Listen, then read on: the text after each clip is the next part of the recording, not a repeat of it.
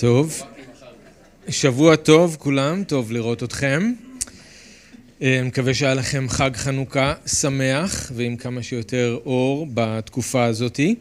אה, אז אנחנו שמחים להיות ביחד, אנחנו אה, לומדים ביחד את איגרת יעקב, כמו שאתם יודעים. אז אתם יכולים לעבור בספר הכתובים שלכם אל איגרת יעקב.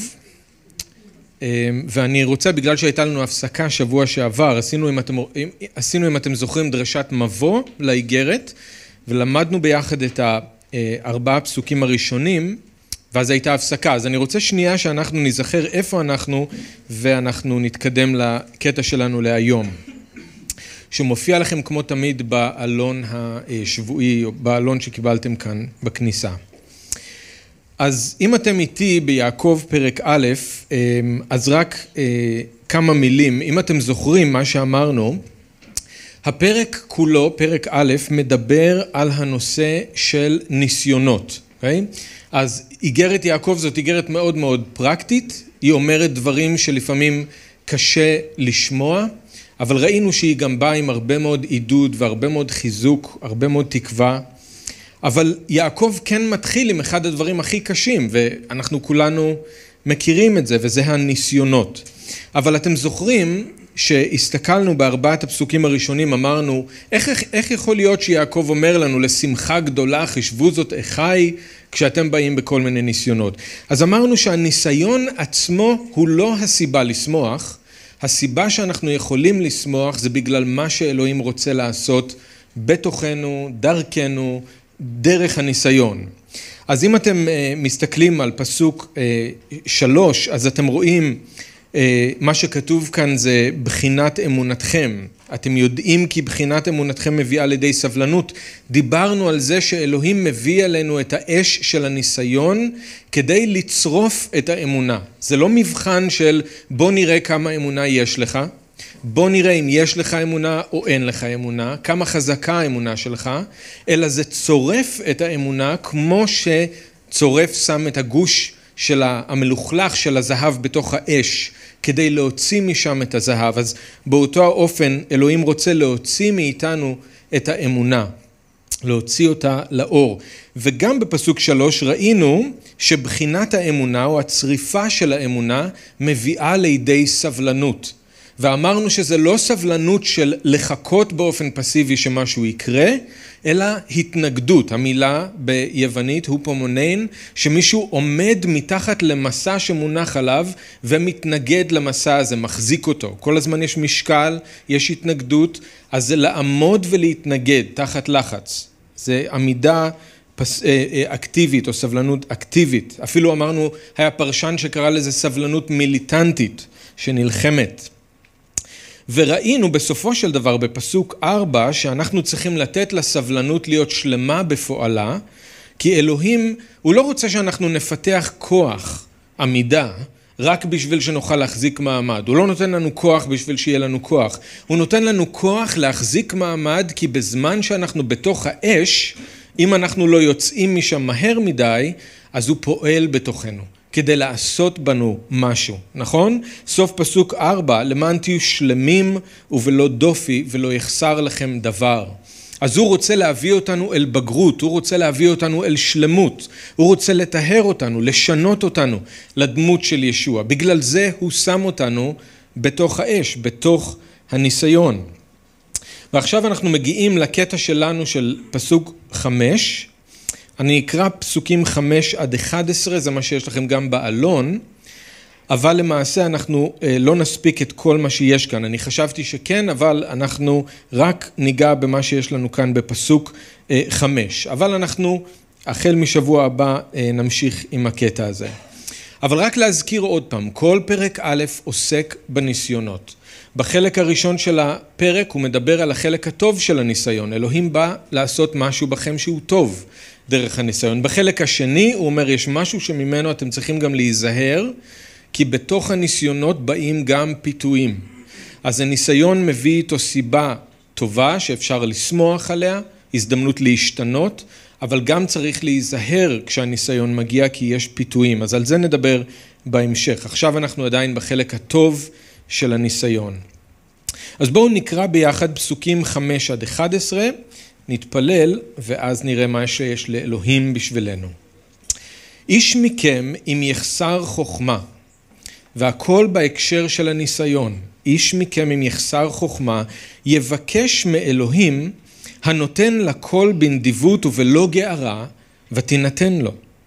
אך יבקש באמונה ובלי ספק, כי בעל ספק דומה לגלי הים הנידפים וסוערים מפני הרוח. אותו האיש אל יחשוב כי יקבל משהו מאת אדוני, בהיותו איש הפוסח על שתי הסעיפים, הפכפך בכל דרכיו. יתהלל האח הדל ברוממותו, העשיר שיתהלל בשפלו, כי כציץ חציר הוא יחלוף. הן בעלות השמש הלוהטת, ייבש החציר ויפול ציצו ויאבד חן מראהו, כן גם העשיר ייבול בהליכותיו. כן, אז אבא, אנחנו מודים לך שאנחנו יכולים להיכנס אל תוך הניסיון, לא לבד, אלא איתך ביחד. לא כשאנחנו תלויים בכוח שלנו, בחוכמה שלנו, במשאבים שלנו, אלא בכל מה שיש לך לתת לנו. אנחנו מבקשים שאתה תיתן לנו אוזניים לשמוע ועיניים לראות, אנחנו רוצים לקבל מדברך כוח ועידוד וחיזוק והוראה, אנחנו רוצים להבין איך לעבור את הניסיון טוב ולעבור אותו יחד איתך. אנחנו רוצים שהניסיון בסופו של דבר יפיק בנו את כל מה שאתה רוצה, את כל הטוב שאתה רוצה לעשות בנו ודרכנו דרך הניסיון.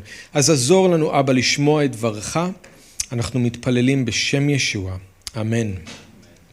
אז אני לא יודע מה איתכם, אבל כשאני חושב על מה שאני הכי צריך בזמן של ניסיון, אני לא חושב על חוכמה. ראינו שיעקב מפתיע אותנו בזה שהוא מתחיל את כל מה שהוא רוצה להגיד לנו באיגרת מהמקום אולי הכי קשה, וזה הניסיון והצריפה של האש. עכשיו הוא עוד פעם מפתיע אותנו בזה שהוא אומר לנו, דבר ראשון, לבקש חוכמה. כשאני בזמן של ניסיון, לא על זה אני חושב, לא את זה אני רוצה לבקש. כשאני סובל אני לא רוצה חוכמה, אני רוצה חילוץ. כשאני כואב לי אני לא רוצה להבין שום דבר, אני רק רוצה שהכאב יפסיק. אבל מכל הדברים שאפשר לבקש בזמן הניסיון, יעקב באופן מפתיע שם את האצבע שלו דווקא על חוכמה. איש מכם אם יחסר חוכמה.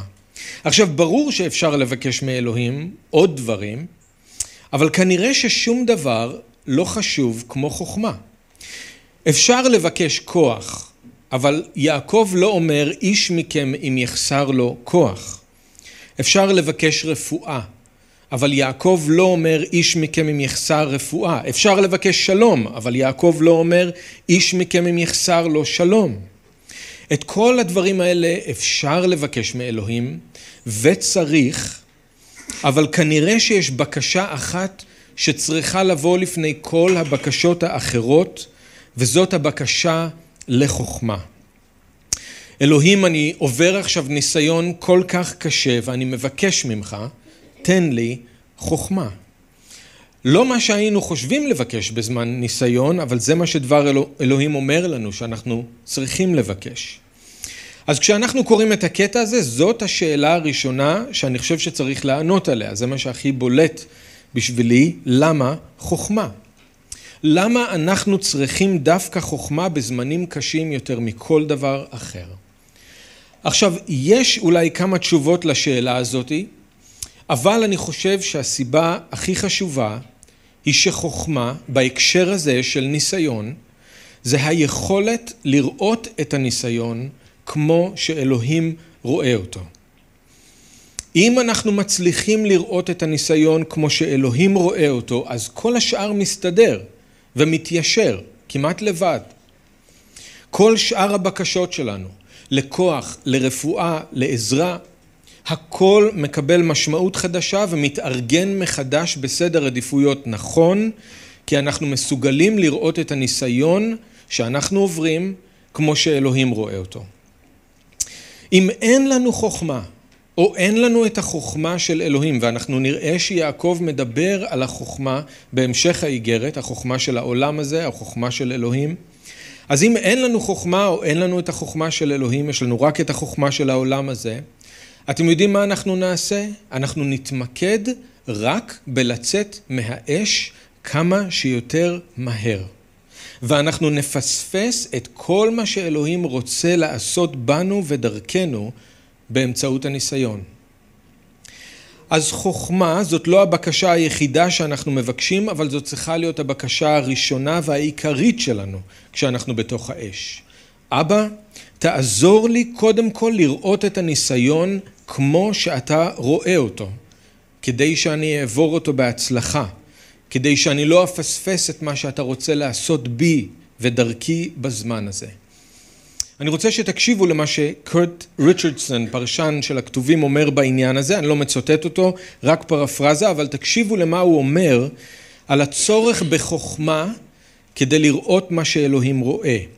האתגר בשביל המאמין הוא לראות את הניסיון לא כאירוע של סבל שפתאום התפרץ אל תוך החיים שלי והרס לי את כל הכיף, אלא כדרך שיכולה להוביל אותי אל בגרות באמונה.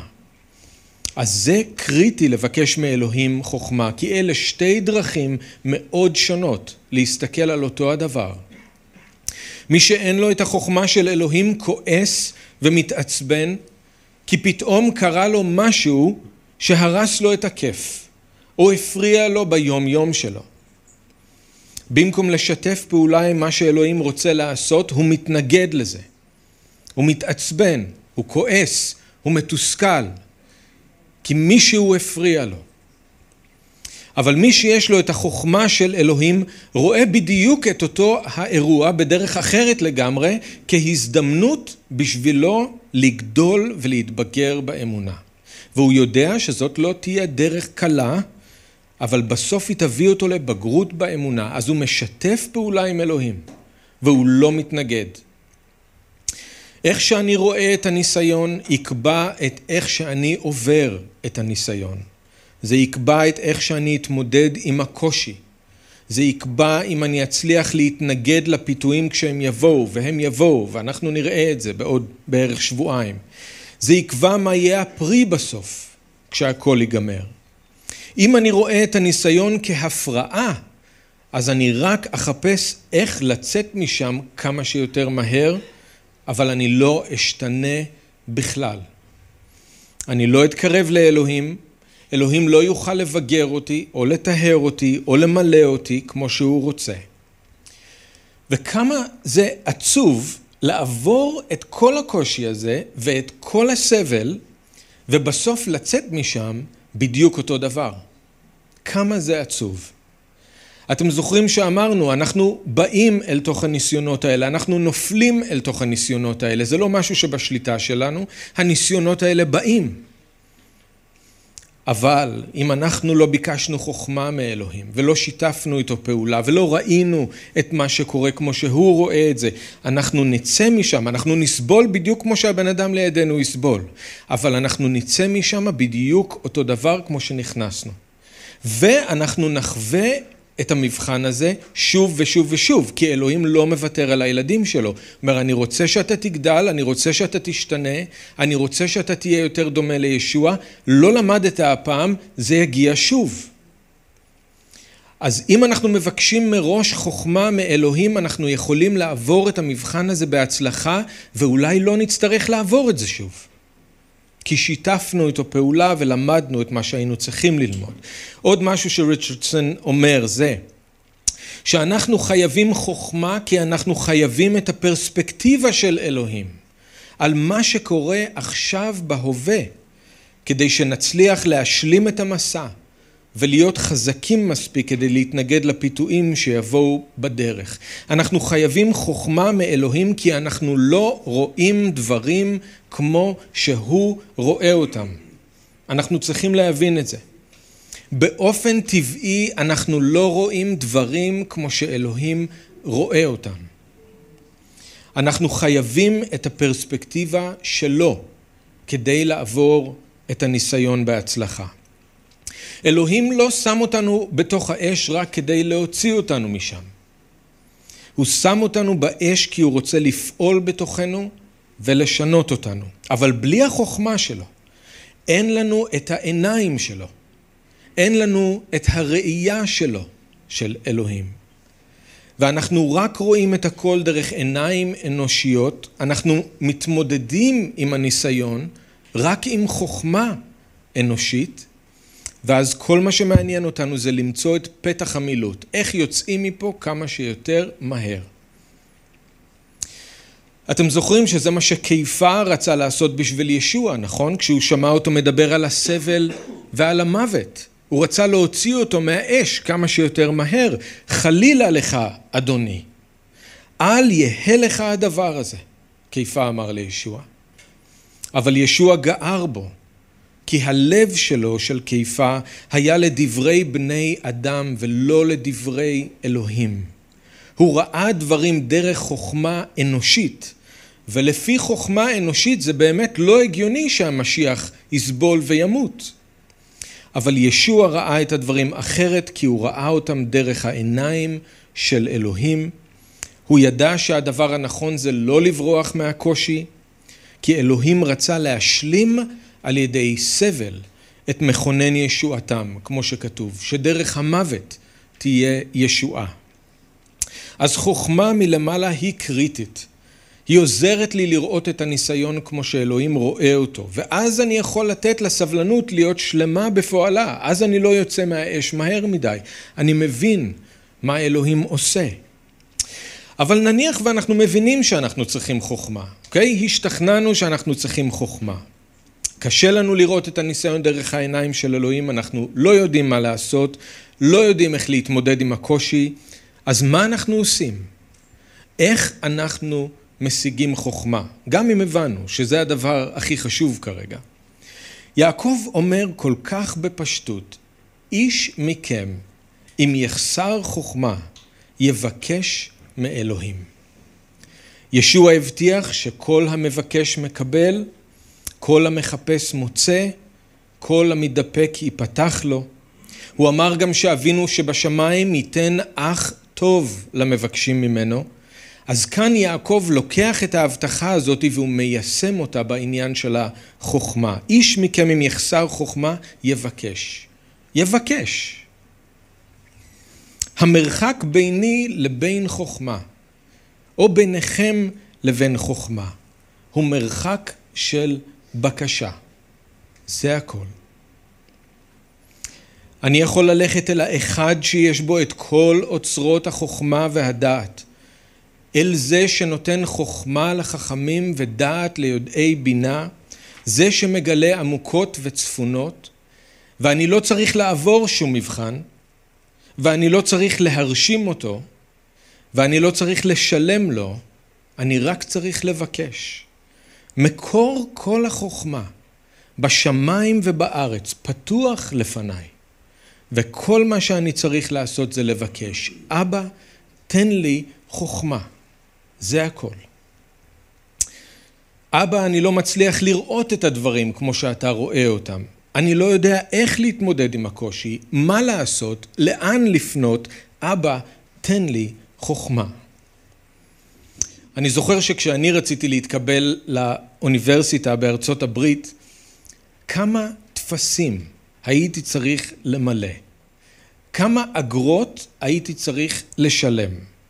כמה מבחנים הייתי צריך לעבור רק כדי להוכיח להם שאני באמת שולט באנגלית, שאני באמת יצליח להתמודד עם הרמה האקדמית של הלימודים שם, כמה שלבים הייתי צריך לעבור עד שהם פתחו בפניי את שערי האוניברסיטה, עד שהם הסכימו לתת לי מהחוכמה שלהם, חוכמה של מרצים שהם בסך הכל בשר ודם. וכאן כדי לקבל חוכמה, לא חוכמה של בני אדם, אלא חוכמה של אלוהים, כל מה שאני צריך לעשות זה לבקש.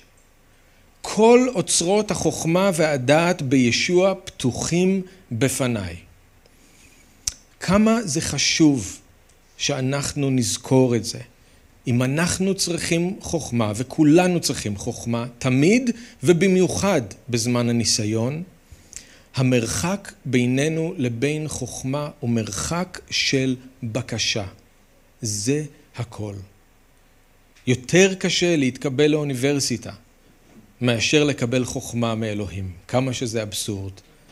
אלוהים לא אומר, קודם כל תעבור מבחנים, קודם כל תשלם אגרות, קודם כל בוא נראה אם אתה... לא. אומר, אתה צריך חוכמה, תבקש. זה לא בהכרח אומר שאנחנו מבקשים פעם אחת וזהו. יכול להיות שאנחנו צריכים לבקש ולהמשיך לבקש, ככה זה כתוב גם ביוונית, אבל זה עדיין רק מרחק של בקשה. אין מבחנים, אין טפסים, אין בירוקרטיה. איש מכם אם יחסר חוכמה יבקש. אבל זה לא הכל, תראו מה יעקב אומר על אלוהים. תראו לאיזה אלוהים אנחנו באים כשאנחנו מבקשים ממנו חוכמה. קודם כל תראו שאצל אלוהים אין סלקטיביות. הדלת של אלוהים פתוחה בפני כל הילדים שלו, בלי הבדל. מי יכול לבקש ממנו חוכמה? כל אחד. איש מכם אם יחסר חוכמה. כל אחד מכם, כל מי שרואה שחסרה לו חוכמה, מוזמן לבוא ולבקש. וגם תראו שכתוב בהמשך הפסוק, הנותן לכל. אלוהים לא נותן לאנשים מסוימים, אלא לכל. לכל אחד שבא אליו. אלוהים לא נושא פנים. הוא לא מעדיף אנשים מסוימים על פני אנשים אחרים בתוך המשפחה שלו. משוא פנים זאת בעיה שלנו, כמו שאנחנו נראה בפרק ב', אבל זאת לא בעיה של אלוהים. ישוע הפך את כולנו לבנים ובנות של אלוהים בלי הבדל. יהודים, גויים, גברים, נשים, עניים, עשירים, כל מי שהוא בישוע הוא בריאה חדשה והוא ילד של אלוהים. אז גם כשזה נוגע לחוכמה, מבחינת אלוהים אין הבדל בינינו. אין מעמדות, אין מישהו שיש לו יותר גישה לאלוהים ומישהו שפחות. בגלל זה יעקב אומר, איש מכם, הנותן לכל, כל אחד מכם, זה לא משנה מי, כולכם יכולים לבקש מאלוהים חוכמה. הדלת פתוחה בפני כל אחד שנושא עליו את השם של ישוע. זה במיוחד היה מהפכני אז, במאה הראשונה. לא רק שלא כל הגברים היו יכולים להתקבל לאיזושהי סביבה לימודית וללמוד, נשים בטח שלא. אבל כאן יעקב אומר, כל אחד, כולם, כולם יכולים לבוא ולבקש. אבל זה לא רק שכל אחד יכול לבוא ולבקש ושאלוהים נותן לכל, תראו איך הוא נותן. הוא נותן לכל בנדיבות ובלא גערה. כשאלוהים נותן למישהו חוכמה, הוא לא נותן לו אותה בקמצנות, אלא בשפע. כמה שאנחנו צריכים אלוהים ייתן, וכנראה שגם הרבה מעבר לזה. הוא לא ייתן לנו קצת חוכמה, הוא לא ייתן לנו חוכמה חלקית, הוא ייתן לנו בנדיבות. כתוב על אלוהים בתהילים שידו פתוחה והוא משביע לכל חי רצון, וזה נכון גם כאן. ידו פתוחה, ידו לא סגורה.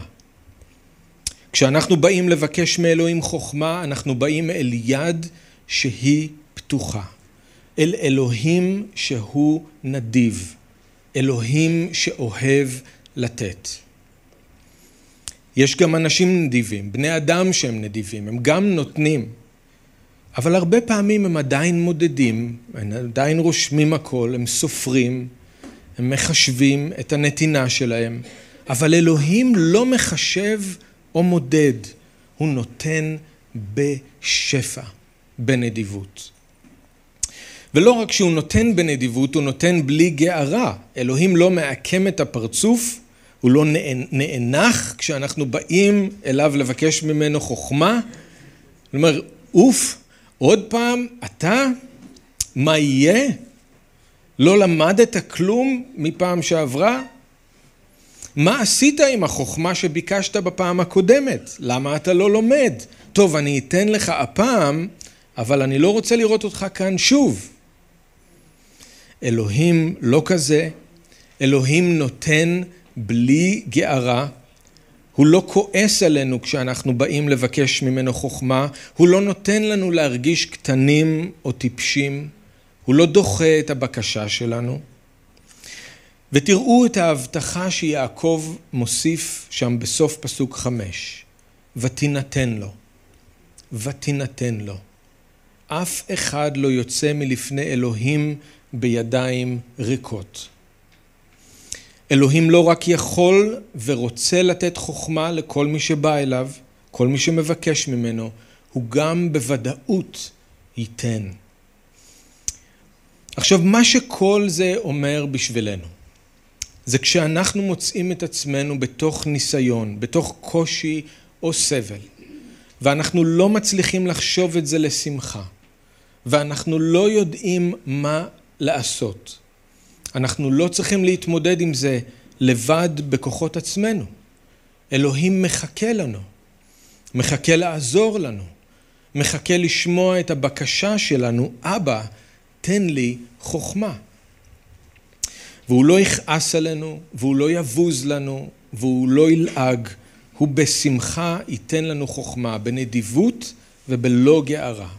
אז מה שיעקב עושה כאן, ואנחנו נראה שהוא עושה את זה שוב לאורך האיגרת, הוא מתקן את התפיסה המעוותת שכנראה הייתה לחלק מהמאמינים לגבי אלוהים.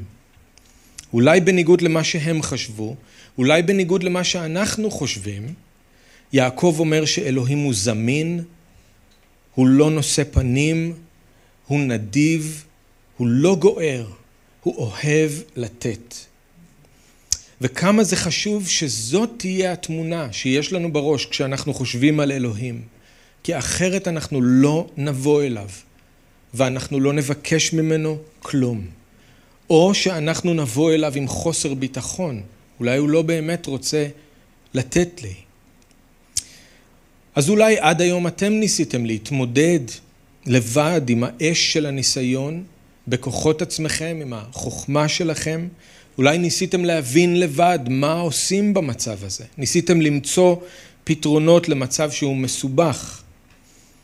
הנה מה שדבר אלוהים אומר לכם, אל תמשיכו להישען על החוכמה שלכם, כי היא לא מספיקה. אל תרוצו גם מיד לאנשים אחרים, כי גם החוכמה שלהם מוגבלת. לכו ישר לאלוהים. לזה שנקרא פלא יועץ, שהוא נותן לכל בנדיבות ובלא גערה. תספרו לו מה עובר עליכם, מה קשה לכם, מה אתם צריכים, והוא מבטיח לתת לכם חוכמה, להתמודד עם הניסיון, והוא ייתן לכם בנדיבות ובלא גערה. רק כמה מילים על איך אלוהים עונה לבקשה שלנו. נניח ואנחנו מבקשים ממנו חוכמה. איך הוא נותן לנו חוכמה.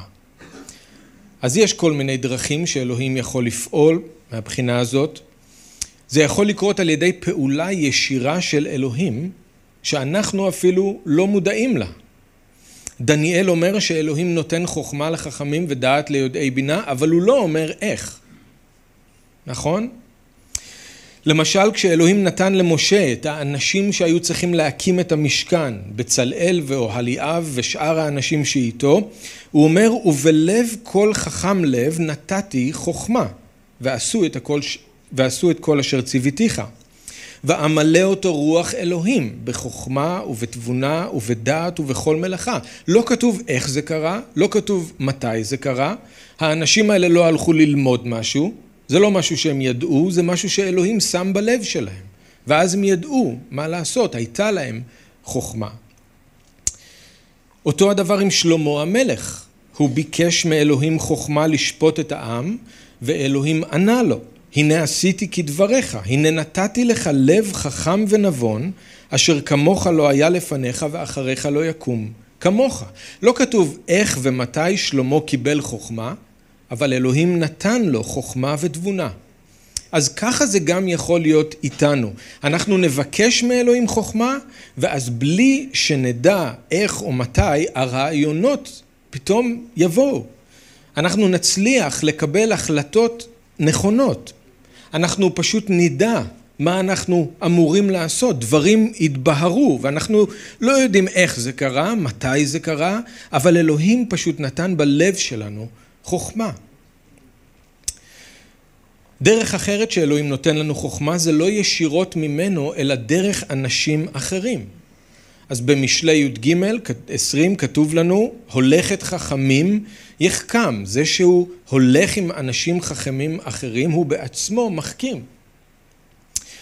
אז כמענה לבקשה שלנו, מה שפתאום יכול לקרות, אנחנו מבקשים מאלוהים חוכמה, ומה שפתאום יכול לקרות זה שאלוהים ישלח אנשים חכמים, שיתהלכו איתנו בדרך. פתאום הם יהיו מסביבנו.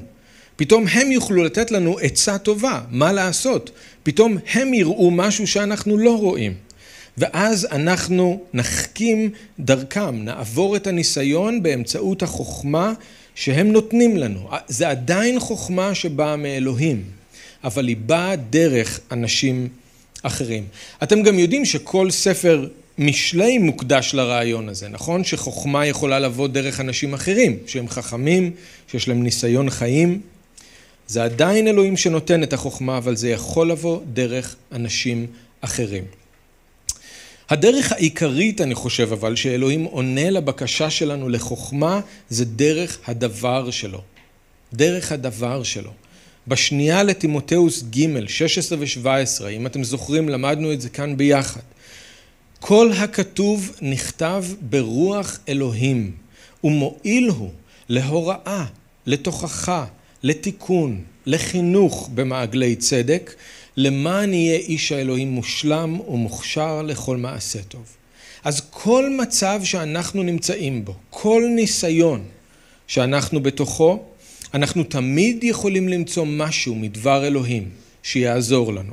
עיקרון, סיפור, משל, שיר, משהו בדבר אלוהים יכול לעזור לנו.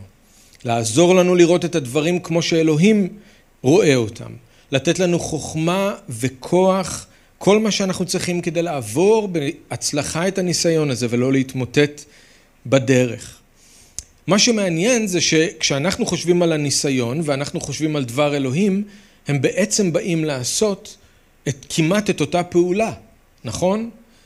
דרך הניסיון אלוהים רוצה שנהיה שלמים ובלא דופי ולא יחסר לנו דבר, ודבר אלוהים, עכשיו קראנו, רוצה להפוך אותנו למושלמים או שלמים ומוכשרים לכל מעשה טוב. אז גם הניסיון וגם דבר אלוהים מנסים לעשות את אותה פעולה בתוכנו. אז הדרך הכי טובה לעבור את הניסיון זה יחד עם דבר אלוהים. כשאנחנו מבקשים מאלוהים חוכמה, אז אני רוצה להציע לכם, להמליץ לכם בחום, לא יכול לצוות עליכם, אבל כשאנחנו מבקשים מאלוהים חוכמה, שדבר אלוהים יהיה פתוח לפנינו. להתפלל ביחד עם דבר אלוהים, כשהעיניים שלנו על דבר אלוהים. ולבוא לדבר אלוהים, כשאנחנו מבקשים חוכמה, לבוא לדבר אלוהים בציפייה שאלוהים ידריך אותנו לאיזשהו מקום בתוך דבר אלוהים שיתחבר למצב שבו אנחנו נמצאים ויעזור לנו להבין מה לעשות ואיך לעבור את זה. ג'ון פיליפס אמר שלבקש מאלוהים שימלא אותנו בחוכמה ובאותו זמן להתעלם מספר החוכמה הגדול שהוא כבר נתן לנו, זה בלתי מתקבל על הדעת. אלוהים נתן לנו את הדבר שלו, לא כדי שהוא יישב על המדף, אלא כי הוא רוצה להשתמש בו כדי להחכים אותנו, כדי לעזור לנו, לבנות אותנו. אז אם אנחנו מבקשים חוכמה, המקום העיקרי שאנחנו צריכים לצפות למצוא שם חוכמה, זה בדבר אלוהים. ואם לא קראתם עדיין את כל דבר אלוהים, אז למה שלא תתחילו? למה שלא תתחילו עם תוכנית קריאה, כל יום תקראו קצת, ואז אחרי שנה, אחרי שנתיים, אולי שלוש, זה בסדר, אף אחד לא רודף אחריכם, אבל לאט לאט תקראו כל פעם קצת, ואז תחשפו למה שיש בדבר אלוהים.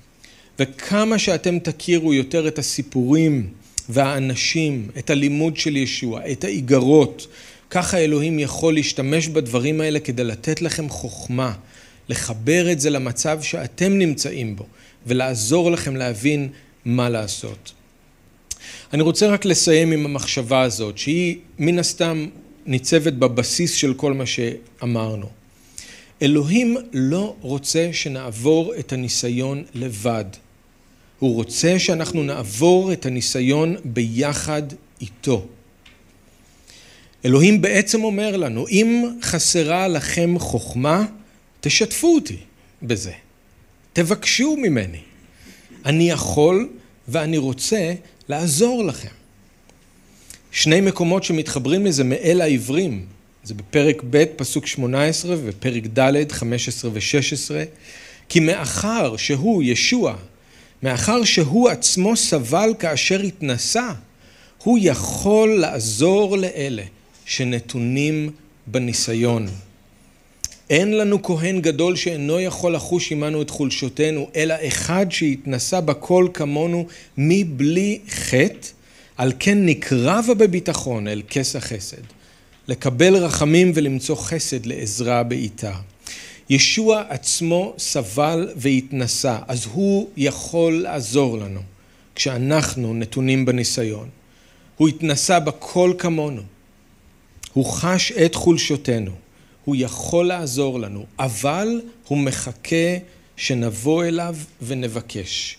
הוא מחכה שנתקרב בביטחון אל כס החסד. וראינו שאלוהים רוצה לתת לנו חוכמה בנדיבות, בלי גערה, וכל מה שאנחנו צריכים זה לבקש. עכשיו, ברור שאלוהים, אם הוא היה רוצה, הוא היה יכול פשוט למלא אותנו בחוכמה שחסרה לנו. הוא לא צריך את האינפורמציה, אני לא צריך לבוא וליידע את אלוהים שחסרה לי חוכמה, כאילו שהוא לא יודע שחסרה לי חוכמה. אני לא צריך לבוא ולספר לו איפה בדיוק חסרה לי חוכמה, מה אני בדיוק לא מבין, הוא יודע. אם הוא היה רוצה לדלג על כל השלב הזה, הוא היה פשוט יכול למלא את הלב שלנו ואת השכל שלנו בחוכמה, כי הוא כבר יודע מה אנחנו צריכים. אבל הוא מחפש מערכת יחסים, הוא מחפש שיתוף פעולה, והוא רוצה שאנחנו נעשה דברים ביחד. ביחד. לפעמים אנחנו חושבים שמה שהכי ירשים את אלוהים זה דווקא שאנחנו עוברים את הניסיון לבד. או אנחנו חושבים שאנחנו עושים לאלוהים טובה בזה שאנחנו לא מטרידים אותו. זה בדיוק ההפך. הוא רוצה שאנחנו נבקש ממנו חוכמה ולא ננסה להסתדר לבד. לא ננסה להסתדר לבד. הגאווה שלנו זה מה שמשאיר אותנו בפינה הזאת, שבה אנחנו אומרים אנחנו יכולים לבד, אבל אלוהים אומר לא, תבקשו ממני חוכמה. אני רוצה לתת לכם חוכמה. והבקשה והקבלה הזאת, זה מה שבונה את הקשר שלנו עם אלוהים. אם הוא היה נותן לנו את אותה החוכמה בלי שהיינו מבקשים ומקבלים, לא היה נוצר קשר, לא הייתה מערכת יחסים. עדיין אותה תוצאה, אין מערכת יחסים.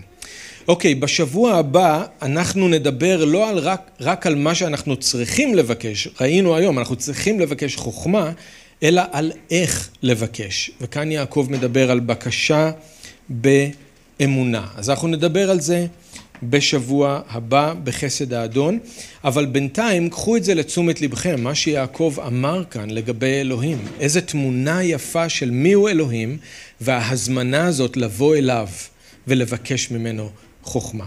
אמן? אז בואו נתפלל. אבא יקר, אנחנו רוצים להודות לך שהדרך פתוחה בפנינו לבוא אליך בביטחון. אנחנו לא צריכים לחשוש, אנחנו לא צריכים לנסות להסתדר לבד, אלא כשאנחנו מוצאים שבנו אין את מה שאנחנו צריכים כדי לצלוח את הניסיון, אתה אומר לנו, בואו אליי, תבקשו, ואני אתן לכם בשמחה, אני אתן לכם בשפע, אני אתן לכם בלי גערה. אז אנחנו מבקשים, אבא, שהתמונה הזאת, שהיא התמונה האמיתית של מי שאתה, זה הלב שלך, אנחנו מתפללים שזה ימלא אותנו. אנחנו מתפללים שזה ייטמע עמוק בתוכנו, ושנפסיק עם הגאווה, ונפסיק לפתור דברים, לנסות לפתור דברים לבד, ושנבוא אליך עם הצורך בחוכמה, עם הצורך בהדרכה, עם הצורך בעזרה, ואנחנו מודים לך שאתה כאן בשבילנו. בשם ישוע, אמן.